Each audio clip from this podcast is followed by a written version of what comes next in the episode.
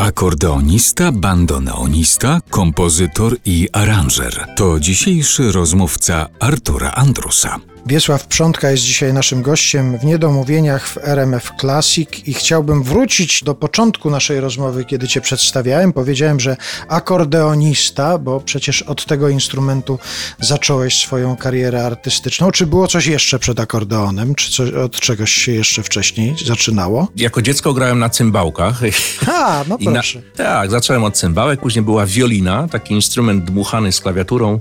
Dzisiaj takie są instrumenty, które nazywane są key harmonika, czyli klawiszowa harmonika, no, z ustnikiem, gdzie można, gdzie można właśnie grać prawą ręką na klawiaturze.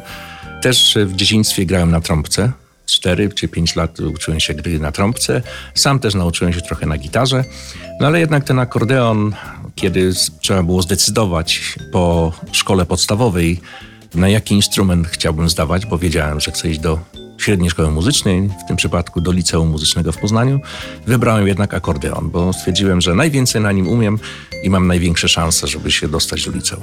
Dobrze, ale to ja cię muszę o to zapytać. Słuchaj, skąd tyle żartów na temat akordeonu, tyle złośliwości pod adresem tego instrumentu, a że to kaloryfer, to jest jedno z łagodniejszych określeń na, na akordeon. Te dowcipy, że kto to jest gentleman, mężczyzna, który umie grać na akordeonie, ale tego nie pokazuje. Tak, przepraszam bardzo, musiałem to zacytować. Skąd to się wzięło? Czy to jest y, efekt repertuaru, jakim kiedyś akordeoniści operowali? Skąd taka złośliwość pod adresem? No myślę, że tak, że to, że to wywodzi się z tego, że akordeon w naszym kraju postrzegany był jako instrument biesiadny, dosłownie, który wykorzystywany był tylko do śpiewu w domu.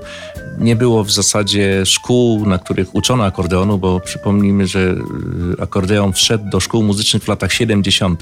No i wcześniej właściwie to byli wszystko doborośli muzycy tak zwani, którzy sami się uczyli grać. Wykorzystywano go w zespołach ludowych, na weselach, no ale to był ruch amatorski, można powiedzieć. Nikt u nas w Polsce bardzo późno się zaczęło profesjonalne granie na na akordeonie, które wcześniej już występowało chociażby we Włoszech, we Francji czy po wschodniej stronie granicy, gdzie ten instrument już był popularny i był wykorzystywany profesjonalnie do muzyki rozrywkowej, jazzowej i do tanga. U nas to się zaczęło dopiero w latach 70., ale jednak z czasem, kiedy ja już się uczyłem w latach 70., na początku lat 80., zaczęliśmy pokazywać publiczności, jak można grać na akordeonie i co można grać, to byli w ciężkim szoku, że takie utwory można grać na akordeonie i szczerze powiem, że nawet komisja egzaminacyjna, która przychodziła na egzamin, była zaskoczona, że na akordeonie można takie rzeczy wygrywać.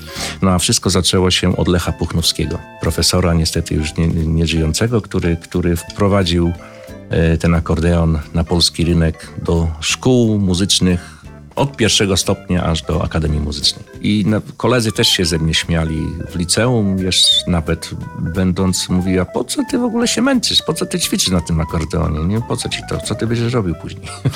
Wielu tak powątpiewało w to, co można robić na akordeonie. Teraz już wiedzą, po co ćwiczyłeś. Teraz już wiedzą, po co to jest, tak, tak, tak. Niektórzy no, zazdroszczą mi, że, że gram.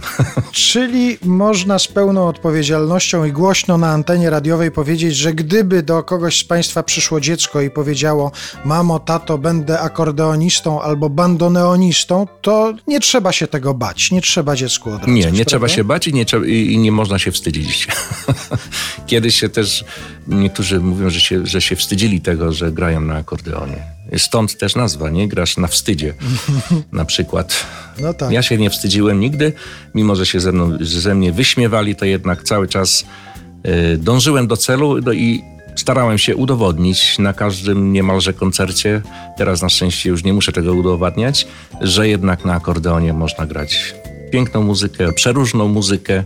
Można w zasadzie zagrać wszystko i profesjonalnie. A gdyby ktoś jeszcze miał jakiekolwiek wątpliwości i jeszcze się zastanawiał na przykład, czy pozwolić dziecku zostać bandoneonistą albo bandoneonistką, bo może jakiś ruch kobiet grających na bandoneonie się u nas w Polsce narodzi, to proszę sięgnąć po tę płytę, proszę posłuchać jak to brzmi i wtedy żadnych wątpliwości już się nie będzie miało. Bardzo Tak Ci jest. dziękuję. Wiesław Przątka Dziękuję był naszym również. gościem. I co, tyle, teraz tylko wys- wypada życzyć, żeby szybko można było wrócić do koncertowania i żebyście z tym repertuarem mogli jechać do publiczności, tak? No, dokładnie tak, dokładnie tak. Mieliśmy zaplanowaną trasę koncertową z Quinteto Tango Nuevo, jeszcze z artystami e, międzynarodowymi, bo tutaj Gosia Kowalińska z Paryża, jeszcze Carlos Rulet, Argentyńczyk, który śpiewa tango, para taneczna ze Słowenii, Blasz i Andrea, mistrzowie świata w tangu, do tego orkiestra kameralna. Myślę, że to, że to w końcu nastąpi, jak tylko będziemy mogli wejść do dużych sal koncertowych.